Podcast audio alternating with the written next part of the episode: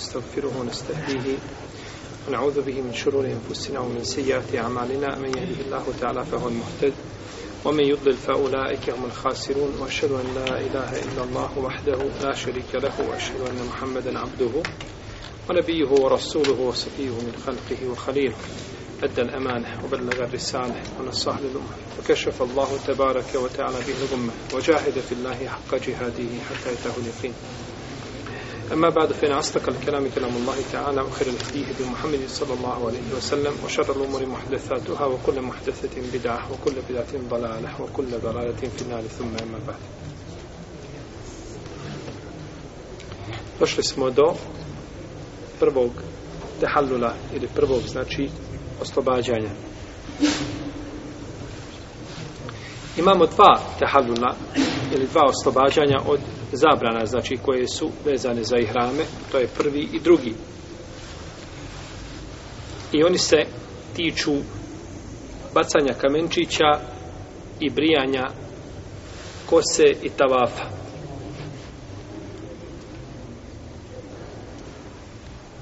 Kada je u pitanju prvi tehallul, islamski učenjaci se razilaze kada se on dešava.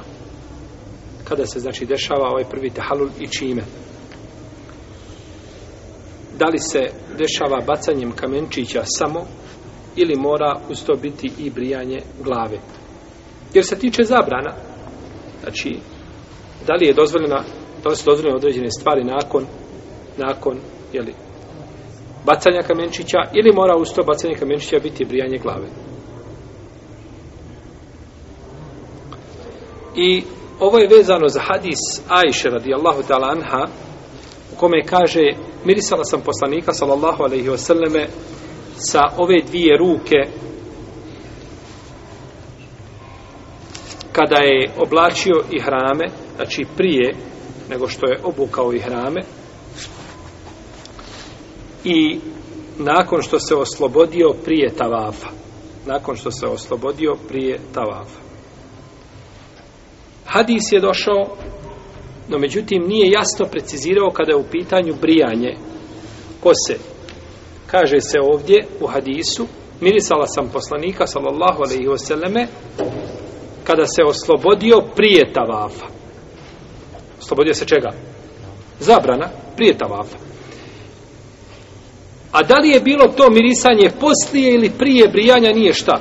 spomenuto u hadisu. I odatle i na, na, na, nailazimo, znači, na raziloženje među islamskim učenjacima kada je u pitanju prvo, znači, prvi taj, prvi taj tahallud. Kažu neki islamski učenjaci da je to bilo prije brijanja, Aisha bi radijallahu ta'ala kazala prije brijanja, a ne prije čega? Tavafa. Jel u redu? Pa kažu, budući da nije spominjala da se to desilo prije brijanja, kažu znači, a, bilo je prije tavafa, to jeste upotpunio poslanik sa osrem bacanje i brijanje kose.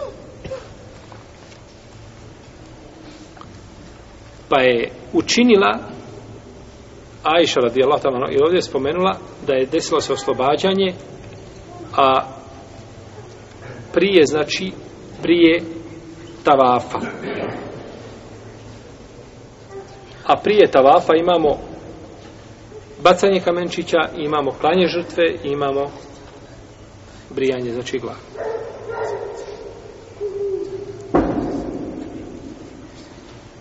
Ima hadis kod Buhari i kod muslima da je poslanik s.a.v. rekao sa mnom je žrtva kurban, jeli koji ću klati i neću se oslobađati prije nego što zakuljem.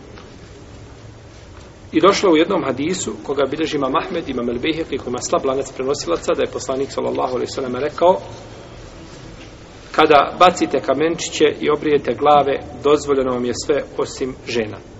Pa bi ovaj hadis bio argument jasan u pogledu onoga o čemu govorimo, no međutim, njegov lanac prenosilaca nije autentičan, nije ispravan. Kažu drugi učenjaci, dozvoljeno je da čovjek a, koristi ili, ili e, radi sve ono što mu je bilo zabranjeno osim žena nakon bacanja čega? Kamenčića. Nakon što baci kamenčiće, ko će mi kazati kog dana? Ko zna nek digne ruku?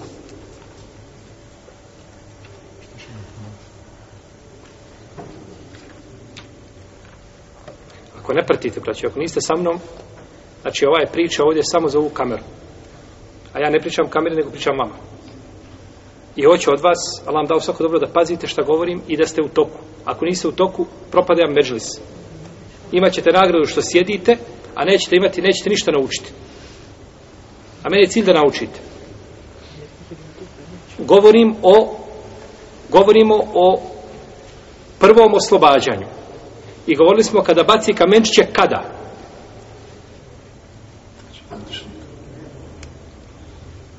Reci. Prvi dan Prvi dan na Bajram kada baca kamenčić. Mi imamo bacanje kamenčića još tri dana nakon toga doćemo do toga.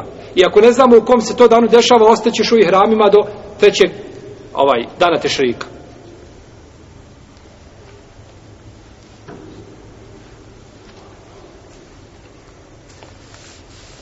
Dobro. Kaže jedan dio islamskih učenjaka, dešava se prvo oslobađanje nakon što baci hađija kamenčiće prvog dana Bajrama, baca kamenčiće na velikom džemretu, sedam njih. Znači ne baca se, prvi se prođe, pa se drugi prođe i dolaziš do trećeg, tek tu bacaš kamenčiće. Kada baciš tih sedam kamenčića, jel idemo pored prvo bacanje kamenčića, pa je šta? Klanje korbana, pa je prijanje glave, pa je tavaf. I sajni nakon tavafa. U redu, bacio sam kamenčiće, Mogli odmah uzeti miris, misk i namirisati, namirisati se. Tu je raziloženje među učenjacima. Jedni kažu ne može, drugi, druga skupina učenjaka kaže može. Može se odmah koristiti sve je dozvoljeno osim čega? Osim žena. Osim, znači, žena. I to dokazuju hadisom u kome Aisha radijallahu talana kaže mirisala sam poslanika sallallahu alaihi vseleme na oprosnom hađu kada je kada je oblačio ihrame i kada se oslobađao od zabrana, kada je bacio kamenčiće na dan Bajrama, prije nego što je obavljao tava. Pa ovdje riječ kada je bacio kamenčiće ukazuje da je Ajša a, spomenula ono čime je poslanik sa oslobodio se čega? Zabrana. A to je šta? Bacanje kamenčića. Znači, bacanjem kamenčića poslanik sa se oslobodio ti zabrana. Tako se zaključuje iz rivajeta koga bilježi ima Mahmed u svome musnet koji ima vjerodostajan lanac prenosilaca. Ima drugi hadis, kaže šeh Albani za njega u četvrtom tomu svoga dijela eh, koji se ovjerovao Galil, a tahriđuje hadis menari Sebil, kaže a, eh, vjerodostojnim ocjenjuje hadis u kome kaže poslanik sa kada bacite kamenčiće, sve vam je dozvoljeno osim ženama. A, ovaj hadis šejh Albanije cenio vjerodostojan. Ako je zaista ovaj hadis vjerodostojan, on je jasan dokaz i pobija sve druga mišljenja. No, međutim, postoji razloženje među islamskim učenjacima oko prihvatanja jeli, ovoga hadisa. I ovaj je stav Ata i Malika i Abu Seura i Ebu Jusufa i to je jedan rivajatelj imama Ahmeta i odabrao ga je Ibnu Tukudame. Ibnu Hazm kaže da iako ne bacio kamenčiće nakon što uđe vrijeme bacanja kamenčića. A govorili smo o vremenu bacanja kamenčića i kako se nama razilazi po pitanju nastupa vremena čega? Bacanja kamenčića. Dakle, Ibn Hazm se slaže sa ovim učenjacima s tim što on ne obavezuje da se moraju baciti kamenčići, nego je dovoljno da uđe šta? Vrijeme bacanja kamenčića. To je poznat kod Ibn Hazma. Kod Ibn Hazma ti ako si u namazu, sunnet klanjaš. I prouči se i kamet za farz. Taj kamet je pokvario tvoj farz. Gotovo. Samo dok se proučio i kamet. Ti ako klanjaš sunnet. Jeste, sunnet ako klanjaš. Sunnet ako klanjaš. I uči se i kamet za farz. Taj kamet je pokvario tvoj sunnet. Znači, ulazak tog vremena ili nastup tog vremena, kvari. Tako isto i ovdje, kod Ibn Hazma. Dobro. I ovo je mišljeno dobro i šeha Albani. On kaže isto kada se samo ovaj bace kamenčići da se desilo oslobađanje. Šafijski učenjaci kažu ako se uradi dvoje od troje. Dvoje od troje. Na koje troje mislimo? Ko će mi kazati? Bacanje kamenčića, brijanje glave. Prijanje glave. A, molim?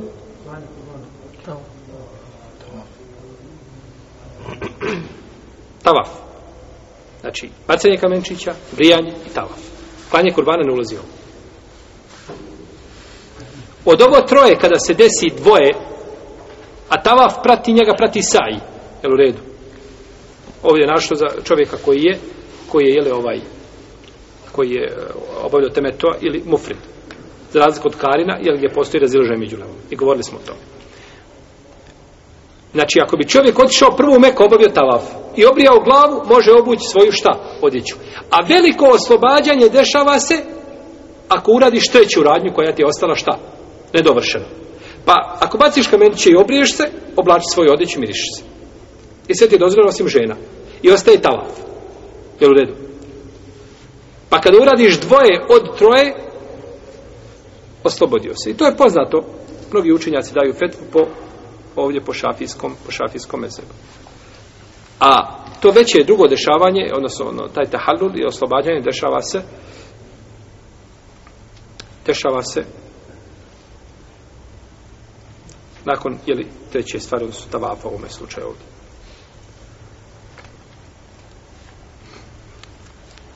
Nema sumnje da je preće obrijati glavu prije toga. Izlazeći iz, razila, iz razilaženja da je preće, preće obrijati glavu, jer tu se onda u lama ne razilazi. Ko baci kamenčiće i obrije glavu, dozvoljeno mu je, znači sve osim, osim žena i tu nema posebnog razilaženja. Tako da je preće raditi u ovome slučaju. Našto što, što to nije teža, teška procedura, čovjek koji baca kamenčiće, obično nakon bacanja kamenčića ide u hotel da brije glavu ili se vraća na minu da obrije glavu znači to je usput se može onako raditi no međutim to je problematično jer ljudi koji to rade rade to znači jednim onim uh, bicem briju više ljudi i to može biti higijenski problematično i, i može zadati ali probleme ovaj pa je jednostavno znači nakon toga obrijati glavu sam sebi ili skratiti kosu dozvoljeno na jedno i drugo, ali je prijanje bolje. Nakon što je Hadžija bacio kamenčiće, kurbani se kolju, kazali smo kako, jel? U savremenim, znači klaonicama, to rade drugi ljudi, uplate se kurbani i to se odrađiva rutinski. Obrije glavu, obavi tavaf i saji, nakon toga, znači, on je oslobodio se svih mogućih zabrana koje su nastupile nijećenjem ihrama. Je li jasno do sada? No. Nakon toga hađija što obavi tavav, i obično, ako ide ovim redosledom, da baci kamenčić, pa da se obrije, i ode na tavav, obično ne može to završiti, taj tavav i saji, obično to ne može završiti prije jaci. Najprije da može oko jaci da ga završi.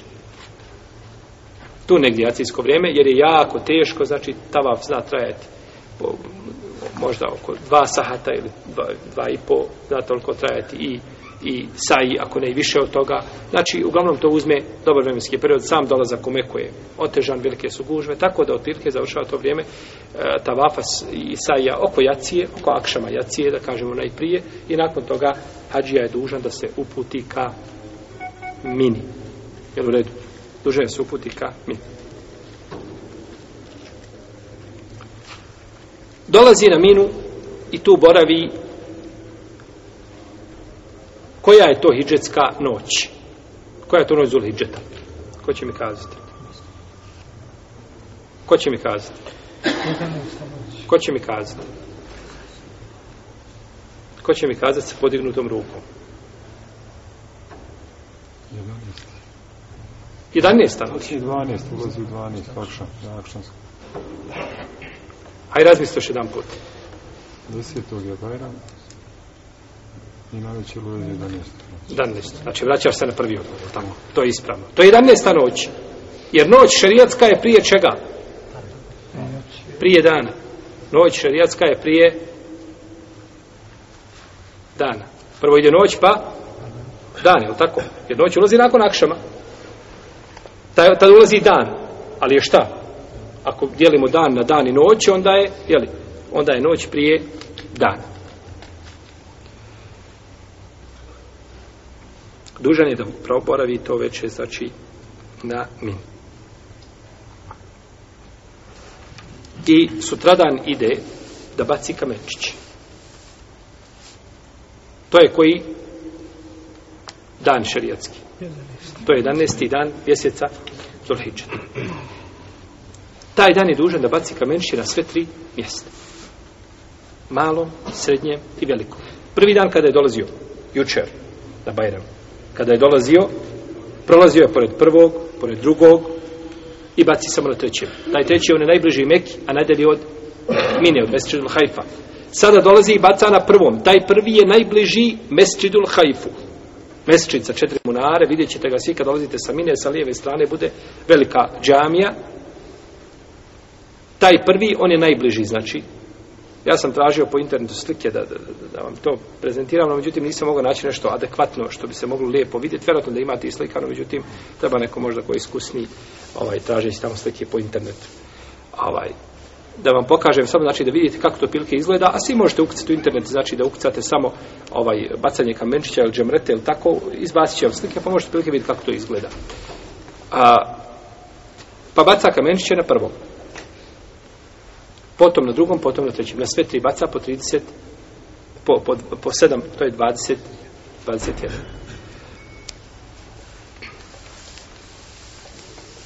Vrijeme bacanja kamenčića počinje nakon zevala. Zeval je vrijeme kada nastupa podne namaz. To se zove zeval. Kada sunce pređe iz zenita na drugu polovinu nefana. To je kod džumhura islamskih učenjaka, kod većine, znači pravnika, vrijeme bacanja kamenčića, nastupa prvog dana od dana tešrika nakon što nastupi podnevsko vrijeme. Za razliku od čega? Dana prije toga. Govorili smo kada nastupa vrijeme i razilaže islamski učenjaka znači po tom pitanju. Nakon zore, nakon ponoći, ili i kada je poslanik sallallahu alaihi sallam bacao. Hvala.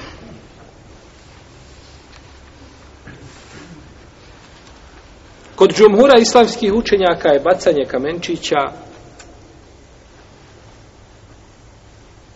dozvoljeno tek nakon što sunce pređe na drugu polovinu neba. Nakon što se zauči ezan. I tako mnogi hađi rade. Dođu i čekaju da se zauči ezan tu u mjestu Hajfu i kada uči se ezan, onda krenu da baciju kamenčić.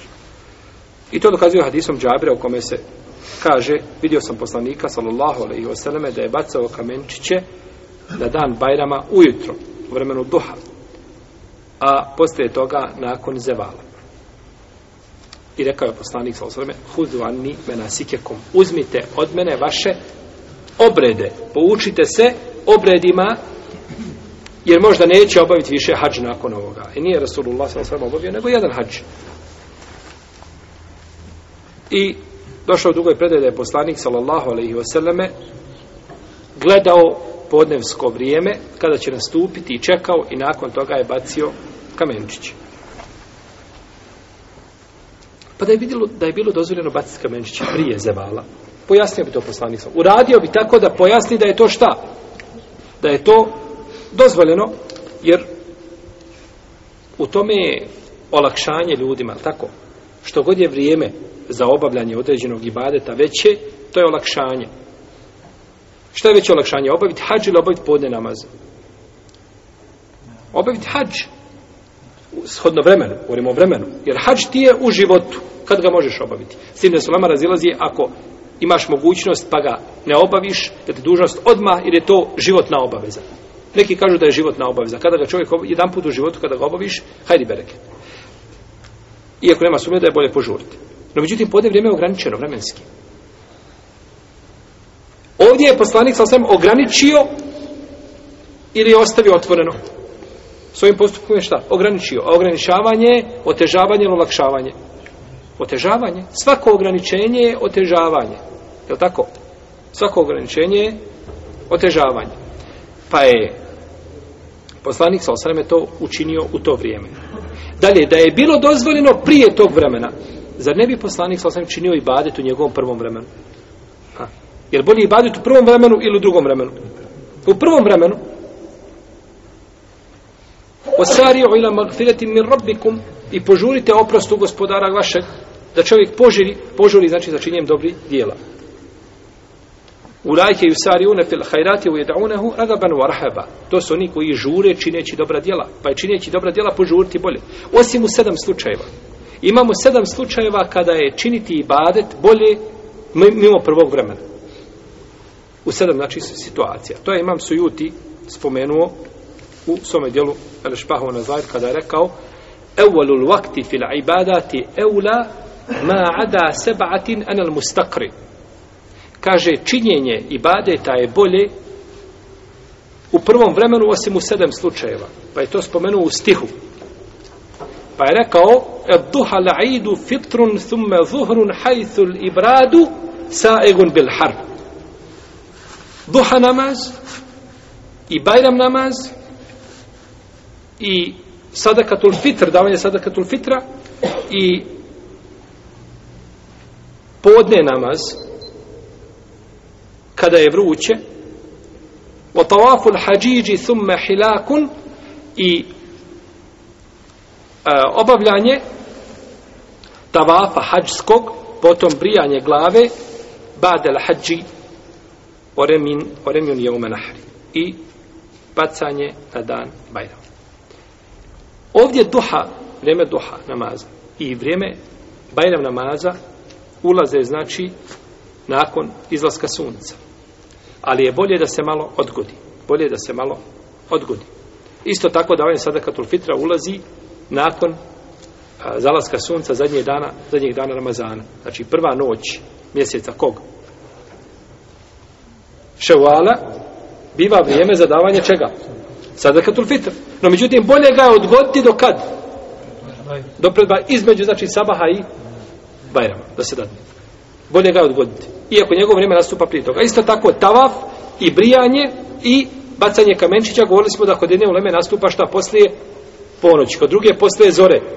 Ali ga je bolje odgoditi do vremena doha kada je činio poslanik sa To je sedam slučajeva, znači kada ibadeti nisu bolji u njihovo prvo vrijeme. U protivnom je ibadet bolji da bude u prvo, u prvo vrijeme. Pa ovdje budući da poslanik sallallahu alejhi ve selleme nije činio tako, nego je to učinio u određeno vrijeme i pojasnio svojom praksom, znači najbolje i najpreče da taj ibadet bude u da ibadet bude u vremenu kome ga je činio poslanik sallallahu alejhi ve selleme. Što se tiče zadnjeg ibadeta ili zadnjeg vremena, a ulema o tome je govorila, isto je, isti je propis kao po pitanju bacanja prvog dana. O tome smo, o tome smo već govorili. Način bacanja kamenčića. Kaže Salim a, Ibn Omar da je njegov babo Ibn Omar bacao kamenčiće sedam kamenčića na prvom džemaratu sa tekbirima. Svaki kamenčić znači sa tekbirom. Potom bi stao dugo i dovio. Potom bi otišao na drugi džemret i ponovo bacio i stao bi sa lijeve strane i dovio, potom bi došao na treći džemret i bacio sa a, lijeve strane i ne bi nakon toga dovio. Dakle, kamenčići se bacaju kada se dolazi, ba, dolazi se, znači i kamenčići se bacaju tako da čovjek bude u pravcu kada baca i da bude u pravcu kible. Znači, pređe, prođe sa desne strane i kada prilazi zidu, znači tako baca da bude u pravcu kible. Kada i baci, pomiri se i dovi. U hadisu nije došlo na koju stranu. Budući da je sa desne strane, bolje da stane tu i da dovi. Pomjeri se napred na drugi džembrat, tu stane i dovi dugo. Poslanik je sasvim tu dovio dugo, čak je došao predajma otprilike koliko je sura al -Bekare. No međutim da se dovi nešto se dovi hari bereket, jer uglavnom policija dolazi i tjera odatle ljude, zato što se tu koncentrišu i pravi se gužva i onda nastanu jel problem. Pa može se pomjeriti u stranu, dovice. Kada bi do, u hodu čovjek dovio, ne smeta, znači, nema o tome ako Bog da smeta. Nakon toga priđe na isti način, baci na drugom, i kada tu baci, onda se izdvoji, prođe iza, izdvoji se na lijevu stranu i stane lijevo i dovi. Tako je činio, jer ovo Ibn Omar kada je činio, na kraju rekao, tako je činio Rasulullah, sallallahu alaihi sallam. Prođe sa lijeve strane tu i dovi, i zašto je prošao na lijevu stranu? Zašto? Lijeva vrednija? Što je sunet na prečenje. Ko zna? Hajde. Zato što je sunete da se na trećem ovome ovaj, džemretu... Zato što, baš tako, zato što na trećem prilazi sa iste strane. Znači, pređe na lijevu dovi i samo nastavi pravo lijevom stranom ići, jer kada dođe do trećeg džemreta, onda se okrene, kako išao ovako se okrene i baca ovako ravno, Meka mu biva sa lijeve strane, a Mina biva sa desne. I tako baca kamenčiće, a prije toga na džemretu je drugom otišao na koju stranu na lijevu, pa je ostao na istoj znači strani sa, na, sa koje znači na koje treba da baci šta? Kamenčić. I da sam način bacanja. Ili nije? Dobro, možda, možda je teško shvatiti sada ovako bez, bez ilustracije slikovite, znači da se pojasni ali bitno je znači da znate da se na prvom kamen, kada se prilazi kako se prilazi, tako se znači baca prema meki se samo okrene a prije nekada bilo okruglo pa je bilo drugačije sada je to više ovaj plo, plosnato nešto ili jajasto ovaj, pa se pređe malo znači udasno pa se baci tako da bude u pravcu meke na drugom isto i posle prvog i drugog ima dova nakon trećeg nema dova, baci se kamenčići i odmah se, i odmah se izlazi. Imaju tekbiri u svemu. Znači, pri svi jednom bacanju, znači, pri svakom kamenčiću imaju, imaju tekbiri. Ako hađi, kada hađija baci kamenčiće prvog i drugog dana tešrika, to vam je 11. 12. dan mjeseca Zulhidžeta, dozvoljeno mu je da napusti minu. Bacio je prvi dan 21 drugi dan 21, prije toga bacio 7, to je 49. Dozvoljeno mu je da napusti minu. I minu mora napustiti prije zalaska sunca. I minu mora napustiti prije zalaska sunca. Femen te ađele fi je u meni, fela isme alehi. Omen te ahare, fela isme alehi. Meni tako. Ko požuri nakon dva dana, nema grija. Ali je bolje da čovjek ostane. Jer je ostao poslanik sa losarom. I greška je što ljudi kažu, idem u Meku da klanjam u haremu. Ne, namaz na mini je na kamenju bolje od haremu namaz da minije bolji od namaza u harem u tom danu u tom danu je bolji bez obzira što ima dole 100 dole 100.000 namaza ali ovdje je sunnet a ne može ništa biti bolje ni milion namaza ne može biti bolji od sunneta ni ništa drugo sređenje poslanika sa sve nešto što može biti najbolje i da je bilo nismo mi nismo mi ovaj brižni po pitanju vjere niti više volimo dobri djela od poslanika sa pa je on ostao sallallahu alejhi na tom mjestu i, i boravio tako da je čovjeku preče da ostane da ga šejtan ne bi naveo ide mu meku i klanjam i imam a, pet namaza više, klanjajući pet namaza više u haremu, to je 500.000 namaza, to su pogrešna mjerila. Sunnetom se ništa ne može mjeriti. Sunnetom se ništa ne može mjeriti. No, međutim, ko želi da ode, ne možemo mu kazati da je šta počinio? Krije. Hoće čovjek da uzme zološt? Ehlanu se, ehlan, idi. To je tvoja sloboda, imaš pravo. No, međutim, preče i bolje čovjeku da ostane ovaj našto ne zna da li će ikad više nakon toga obaviti hač, pa je najbolje da obavi hač kako ga obavio poslanik sa osaname i nema sumnje da je tako obavljen hač, hač me brur. U protivnom, zakini s jedne strane, zakini s druge, zakini s treće, ovaj, sunet je ovo, sunet je ovo, ulema se razilazi ovdje i onda nakon toga šta će čovjek ostati hađe, hoće li biti me brur, veliko je, veliko je pitanje. Ako iziđe prije zalaska sunca, kog dana, Kog dan? 12. dana Zulhidžeta. U tom slučaju ne mora ostati. Ali ako ostane do zalaska sunca, mora kod džumhura u Leme boraviti to veće. I ostati sutradan i bacati nakon zavala. Kod hanefijskih učenjaka vrijeme bacanja počinje nakon zore. I Ebu Hanife dozvoljava, znači, izlazak do zore. Većina u Leme kaže mora izaći do akšama mora izići van granica mine. Ebu Anife kaže mora izići do zore. Ako ostane do zore, onda ostaje i treći dan. A međutim, ispravno je da čovjek treba ostati ako ostane do akšama. Ako ostane, znači to već je do akšama, sutradan će baciti isto 21 i tako će namiriti 70 kamenčića. Pa hađi, ako i želi upotpuniti boravak na mini, znači sa bacanjem prvog dana Bajrama biva bacanje, znači 70 kamenčića kamenčića.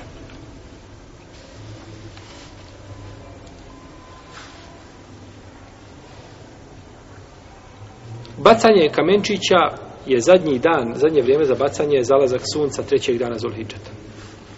Ha, trećeg dana Zulhidžeta. I ko isto nije bacio, da do tog vremena baci da nadokradi ono što ga je prošlo, nije bacio ni nikoga opunomoćio za bacanje, da, do tog vremena. Jer nakon zalaska sunca prekida vrijeme, prekida vrijeme obreda hađski. Zašlo je sunce, 13. Zulhidžeta nema više hađskih čega. Obreda, tu se završilo. Pa do tog vremena treba da se bace kamenčići. I nije sunnet da se to veće, 14. veće da se ostaje na min. To nije sunnet. Nego treba se čovjeku putiti, put meke jedino da bude jeli, zadržan, ovaj ne bi rekao čak da je i dozvoljeno znači da se ostaje, jer već se, znači, šatori prazne i ljudi se već teraju napolje.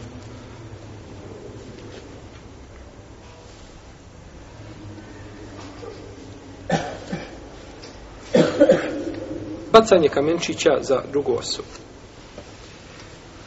Ako čovjek nije u stanju da baci kamenčiće zbog bolesti ili drugog razloga, dozvoljeno je da neko za njega baci kamenčiće ali s tim da mora prvo baciti za sebe. Prvo baciti za sebe, onda se vrati za tu osobu.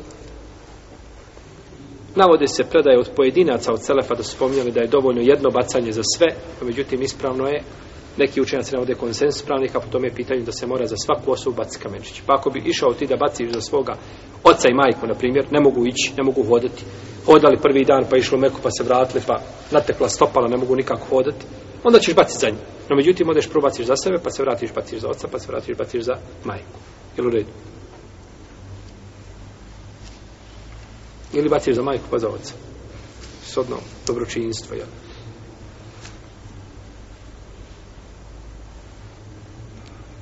Nije dozvoljeno baciti za ženu koja nema opravdanja nikakvog. Žena, mlada, zdrava, može hodati malo noge bole, pa bole noge, bolete noge u namazu, kad stojiš traviju, kad klanjaš, zabolete noge, ali tako?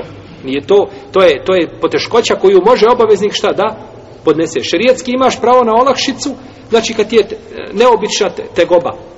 E tada, no, međutim, one tegobe koje su jasne i koje su uh, normalne, znači, i koje su objektivne da se dešavaju prilikom i badeta, one ne utječu na to. Ovo, dozvoljeno je znači da se baci za nekoga. Bilo se radi o ženama, bilo se radi o starijim osobama i o mlađim osobama. Čovjek se povrijedio, ne može hodati, slično tome. Ovaj.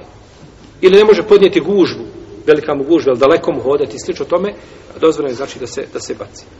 Ali ne bez razloga.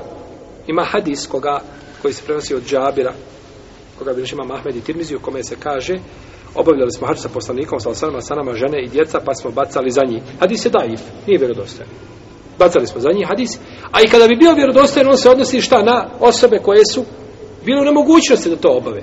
Nikako ne zdrave osobe. Nikako ne zdrave osobe. Jer to bi znači bilo da spada sa zdrave, onda bi za žene bilo preče da spadne tavaf. Jer u tavafu je veća guza sa, muška, sa muškarcima nego čime. Nego sa, znači, onda bi tako na takav bi način, znači, ovaj, mogli osloboditi, znači, ženu obreda da sve muškarac obavlja za njih.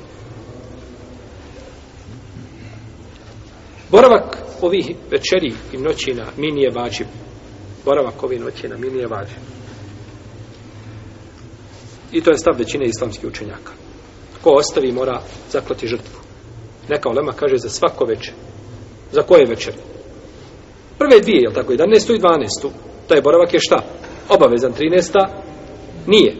13. večer nije šta?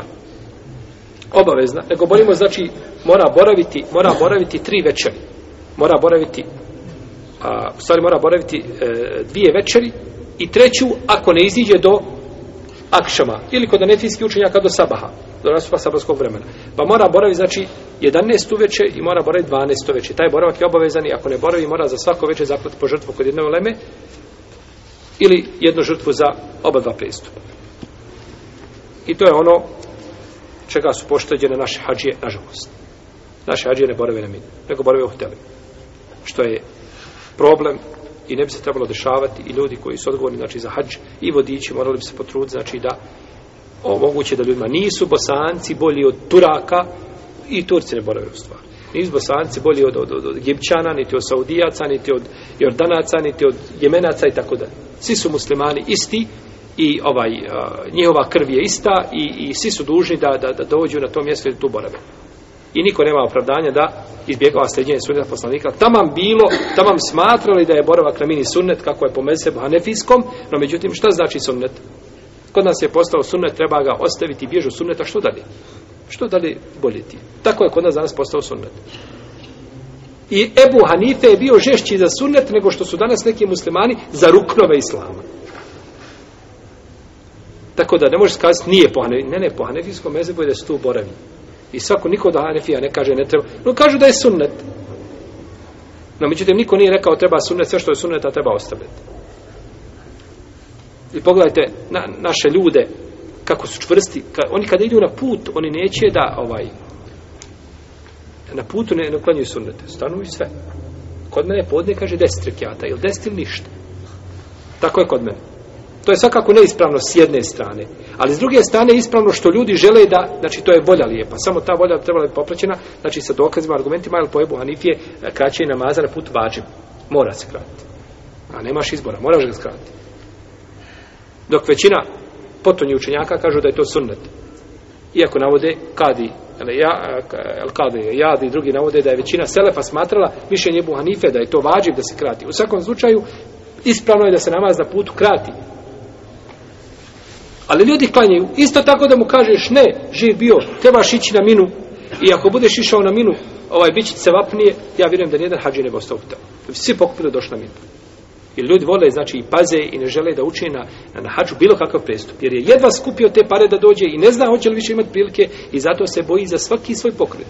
I zato vidite ljuda često pitaju da ispitivaju kako, šta, kuda i da mu kažeš ako radiš hađija suprot tome, bit će ti umanjena nagrada. Ne možeš kazati da će hađi biti pokvaren. Biće umanjena nagrada, neće sigurno raditi, izrazi ta većina hađija neće raditi suprot tome. Pa, budući da je stvar jednostavna, treba ljude ovaj, uputiti znači, na to i da se popravljaju greške. Znaš to greške koje su veće od oti, poput klanjanja u, u, u, u autobusima. Klanjanje u autobusima je zabranjeno, Klanjati farz u autobusu je zabranjeno po svim mezhebima na zemlji koji ima. A, a našto po hanefijskom mezhebu? Hanefije kada govore, imam e, e, srhasi kada govore o mebsutu i drugi govore o namazu čovjeka na lađi. Kažu, mora stojati. Lađa, kakve su kod njela, bili brodovi kao kod nas veliki, ne osjetiš da ploviš, nego lađe bile, kaže, osim ako, ako ne zna plivati, boji se utop. A ako znaš plivati, ne, klanjati ćeš stojeći, pa ako budeš plivao, ne smeta. Najžešći znači po tom nema, nema tu olakšice nikakve. Pitanje barza, moraš izaći na tlo i klanjati. A dole, znači, taj svijet je dole lijep. Gdje god staneš ovaj parkirališta lijepa, svugdje vode za abdest. Zbog čega onda, zbog čega onda ovaj klanjanje u autobusima, to nije ispravo. To nije ispravo. Treba ljudima, znači, ukazivati na te greške i treba to popravljati.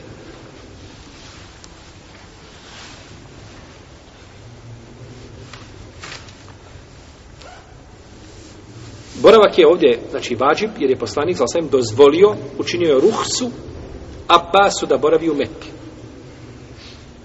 Dobro. Ako je njemu učinio olakšicu, nasuprot olakšice šta je? Nešto što je obavezno. Jer se olakšica čini tamo nečemu što je šta? Obavezno ti je da stojiš u namazu, ali ti ne možeš. Onda imaš olakšicu šta da? Ili ti je teško napor, veliki, imaš olakšicu da klanjaš sjedeći, jel u redu?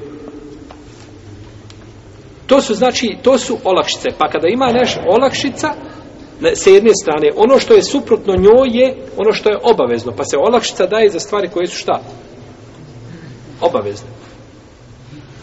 Govorili smo, otišla jedna skupina odakle je sa Muzdelife. Dozvoljeno da ode. Njima je učinjena ruhsa ili olakšica. Drugima je to šta? obavezno. Pa nasuprot obaveze stoji šta? Olašce ne stoji nasuprot sunneta. Ha. Učinio olakšicu da ne posti ponedeljak. To je ako nisi dužan. Ako činiš hajri bereket. Ha. Ali olakšica da ne posti putnik. A nasuprot je olakšice šta? Var, razumijete kada se olakšice daju? Olakšice bi, pa ako kaže poslanik, ja sam učinio olakšicu Labasu da ne boravi na mini, Što znači da je nasuprot šta? Azimet ili nešto što je obavezno. Jer na osnovu toga islamski učenjac cijeli izlače ovaj propis.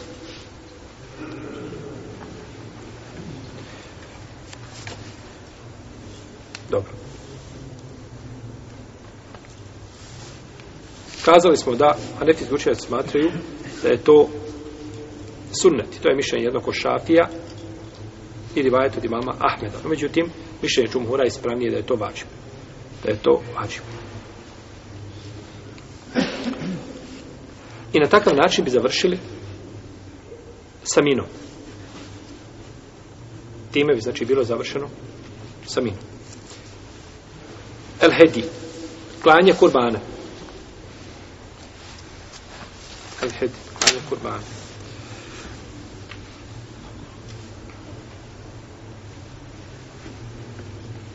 Uzvišeni Allah te barak tala kaže wal budna ja'alnaha lakum min sha'airillah lakum fiha khair. I mi smo kamile učinili a jednim od Allahovih obreda na hađu.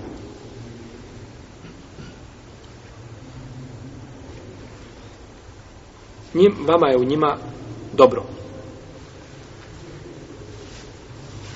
Pa su... Rekom se. pa je klanje kurbana znači na hađu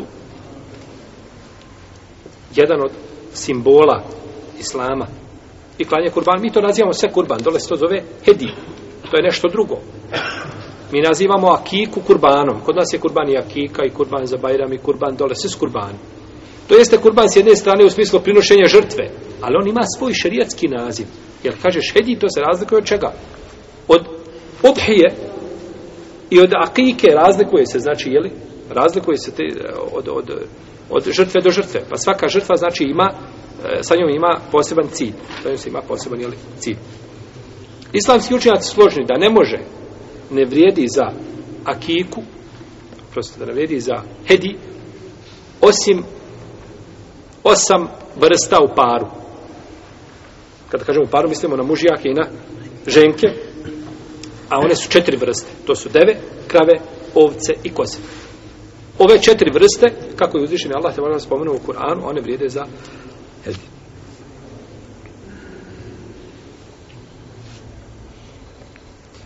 A najbolja od ovih vrsta jeste životinja koja je najskuplja i koja je najvrednija kod njenog vlasnika. Kako je došlo u hadisu koga bilježe Buhara i Muslim, kada je upitan poslanik sa osreme koja je najbolja, rekao je poslanik sa osreme aglaha semenen wa anfasuha inda ahliha koja je najskuplja i koja je najvrijednija kod njenog vlasnika da. svakako ne znači da skuplja da čovjek dođe i da kurban je 300 maraka i on kaže ja ću dati 500 da bude vrijedniji nije to nego je ljepši izgled biva šta skuplji deblja, znači ovca, biva skuplja od ovce koja mršava, je tako? Koja je najvrednija kod vlasnika. Kakvi su uvjeti za kurban? Prvo, uvjet je da bude od behime tulen am. Behime je stoka. Behime je stoka. A stoke su deve, krave, ovce i koze. Znači da bude od ove četiri vrste. Ne može konj i ne može pile. Jel u redu? To ne ide za hedi. Da bude džidra dan. Da bude od ovce džidra. A da bude druga, da bude sena. Seni. Seni je ona životinja koju su izrasli sjekutići koji su izrasli sjekutići.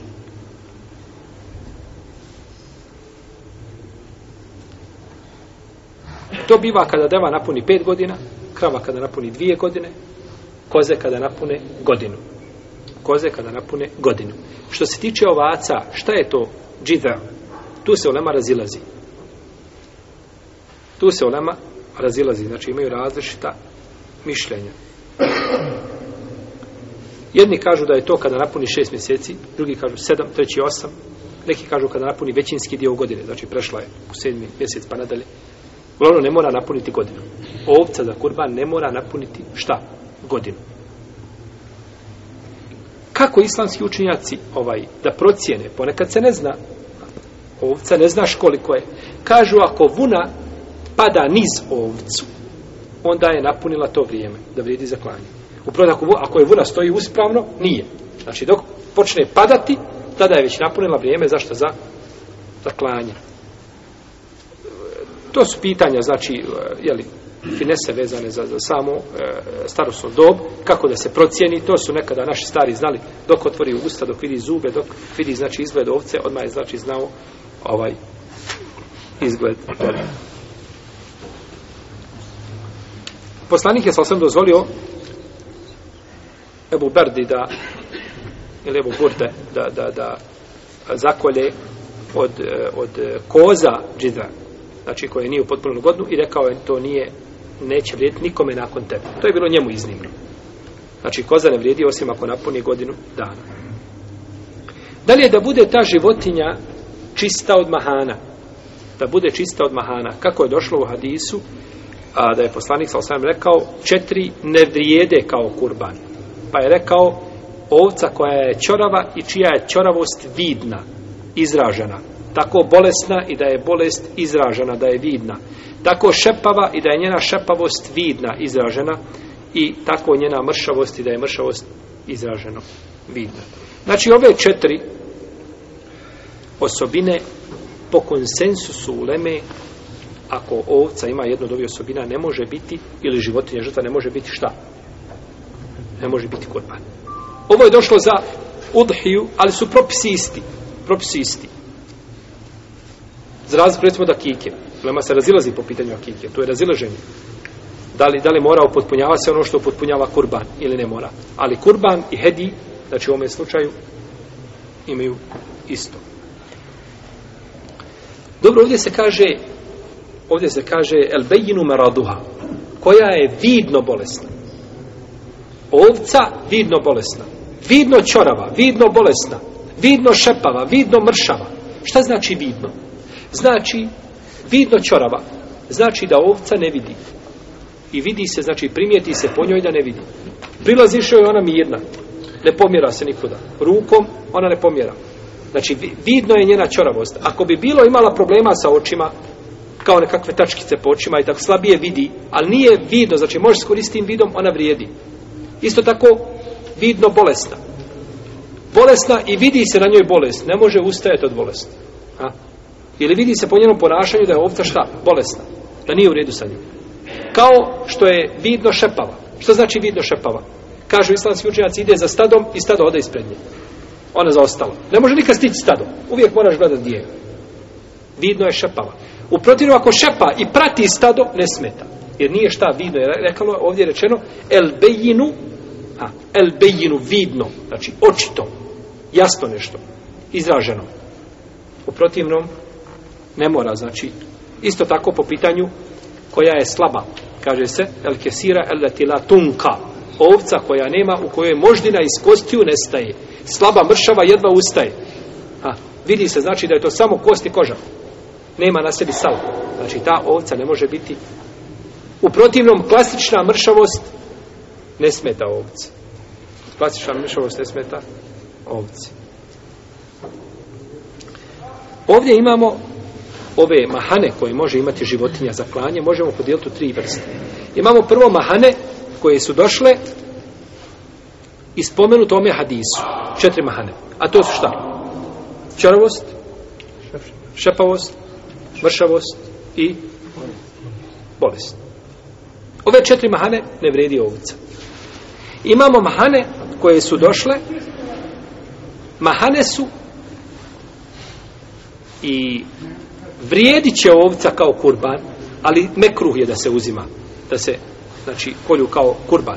Iako je veliko razilaženje među islamskim učenjaca, znači po ovom pitanju. Kako je rekao poslanik sa osvijem u hadisu, Ali ibn Abi Taliba kaže, da naredio nam je poslanik sa osvijem da gledamo u da gledamo u oči i uši kod životinje. Da gledamo, znači, oči i uši i kaže, zabranio je da koljemo mu kabele. To je, znači, životinja kojo je osjet, osjećen dio uha. Ili mudabara, kojo je osjećen sa strane nešto, znači, pozada, guzioj osjećen. Ima, znači, ovce koji imaju posebno salo pozada. Jeste vidjeli to kada? Niste vidjeli ovce koji imaju salo pozada? Možda 4-5 kila. Možda i više. To je posebna vrsta, znači ovaca koja je dole, možda je kod nas ovdje nema, da je osjećeno to salo, jer to je salo ovaj uh, vuk, je često dolazi vuk na prde stado i od, odsjeće, ona ostane živa, ali on otkine jedan dio dobar toga. Je u redu? Da li može ta za, za, za, za, za kurban? Ovdje je došlo, znači da, jer se zove mudabara, Vidite, mudabara jedna riječ označava što mi moramo rečenicom pojasniti i opet možda niste shvatili. Kakva je ovce kako može ovce imati pozada šest kila sam. Dalje, šarka. Šarka je u arapskom jeziku ovca koje je rasječeno uho. Samo je rasječeno uho. Ha. Imate harka ili harfa, a ona je koje je uho probijeno. Pa ove ovce, ove, ove ovi opisi bi bili znači mekru. Imate treću, treću vrstu mahana, mahane su, ali nisu spomenute u predajama. Nema ništa o njima. Nema ništa znači o njima.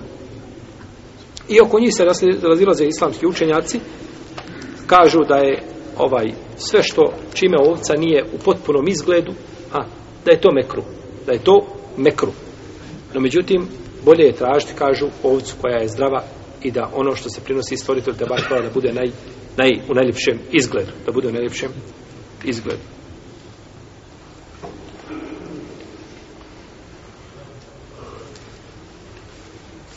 A isto tako životinje koje imaju mahane, imamo četiri mahane, koje šta? Su jasne i ne vrijedi ovca za kurbana koji ima jedno od tih mahana. Jel u redu? No, međutim, imamo mi mahane koje nisu spomenute, a koje su žešće od ovih mahana. Mi kažemo vidno šepava. Dobro, ovca nema noge nikako. Je to više ili vidno šepava? Pa više, nema noge nikako, nikako. Ova šepa nekako ide sa njom, ali šepa. Ova nema nikako. Ili je ovca slijepa. A nije da, će, da, da slabo vidi, nego je šta? Slijepa potpuno. Tu je ulema složna konsensus uleme da te mahane koje su žešće Isto kao babo i mama. Ola teku lehuma uf. Nemoj im kazati uf. Možeš li kuć kazati? Možeš li mu kazati šuti babo? Ne smiješ mu kazati uf. Možeš mu kazati šuti babo? Ne možeš kazati šuti babo. Znači, zabranjeno je nešto što je manje, pa je onda i ono što je veće od toga šta, isto tako, zabranjeno, jer je nelogično da bude zabranjeno nešto što je, znači, ovaj, sitno u odnosu na, jeli, to veće pa bi tako bilo znači zabranjeno i sve ono što je veće od ove četiri mahane a od iste je znači od iste vrste lista je znači mahan u svakom slučaju ovaj e, autor nije nešto posebno ovdje znači spomenuo je ove stvari u Lema se braći po mesebima razilaze ovaj imaju različita mišljenja i, i ovaj po pogledu znači ovaj a, e, mahana koje su a, e, znači zbog koji nije dozvoljeno jel klati ovce za kurban a, ako Allah dadne uskoro se priprema se šala jedna knjiga za, vezana je za kurban pa će u njoj to biti podrobno pojašeno pa možda će to moći vidjeti nekada kasnije tamo na netu vrste kurbana vrste kurbana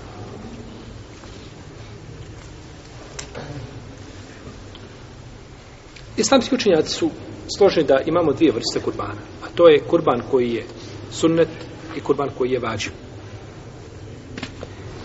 Kada kažemo ovdje kurban, mislimo na šta na? Hedi. Mislimo na hedi koji se tiče, znači, klanja na hađu. Prvo, hedi čovjeka koji obavlja temetua ili kiran. Temetua kod sve uleme mora, znači, klati. Femen temetea bil umrati ili hađ, feme stej saram ili hedi. Ako bude obavljao temetua od hađa, ili bude temetua, znači naslađivao se svim između hađa i umre, obavlja temetua, neka zakolje ono što može od kurbana. I to je kod sve uleme. A imamo kiran, za kiran je dužnost kod džumhura uleme da se kolje ovaj kurban, da se kolje kurban.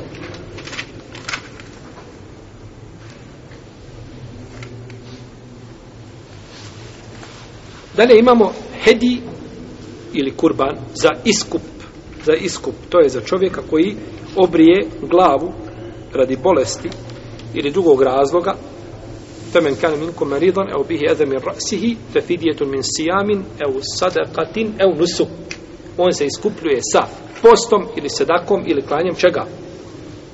Klanjem žrtve. Jest. I, i, on je, I on je može odabrati post ili ili a, da nahrani siromahe, znači ili a, da da sadaku.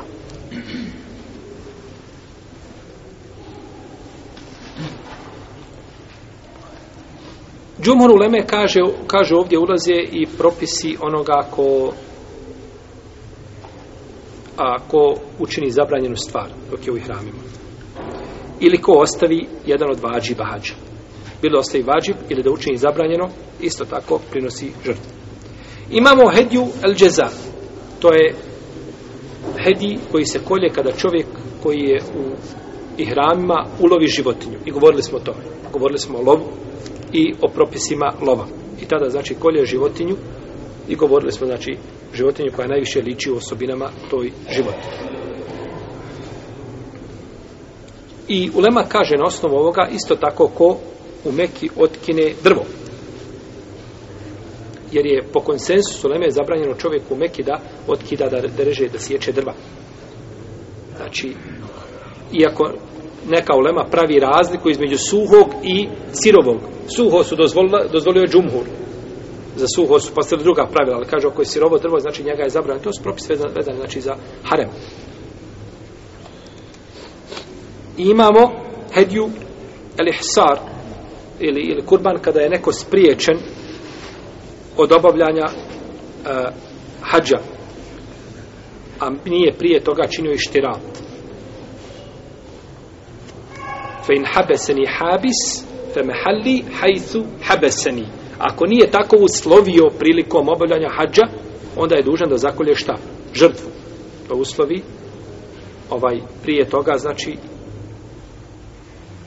fejnuh sirtum feme ste isara minel hedji. Tako kaže uzvišeni Allah. A ako budete spriječeni, onda zakoljite ono što vam je lahko od kurbana, od hedje. I imamo hedju lvop, a to je hedji, znači ako čovjek učini prijestup sa svojom suprugom, znači ima odnos spolni, tome smo govorili isto, prethodilo je znači o tome govor. I imamo hedju nezr, hedji zavjeta. Ed zavjeta je isto tako obavezan, jer je zavjet obavezan ispuniti. I druga vrsta je sunnet. Hedju eh, tatavua, a to je znači dobrovoljni hedji. Koga može zaklati čovjek koji obavlja i frad, samo i frad je obavljao, jeli, samo hađ, on nije dužan da zakolje. Ako zakolje, hajde bereket, ili da zakolje čovjek mimo onoga što mu je obaveza i slično, i slično tome. Ovo je bilo znači nešto vezano za edi od propisa, a ima znači svakako još propisa koji se tiču edija, pa ćemo tome govoriti šalvanu narednom druženju. Allahu ta'ala, sallallahu ala nabina Muhammed, wa ala alihi wa sahabi, ježem.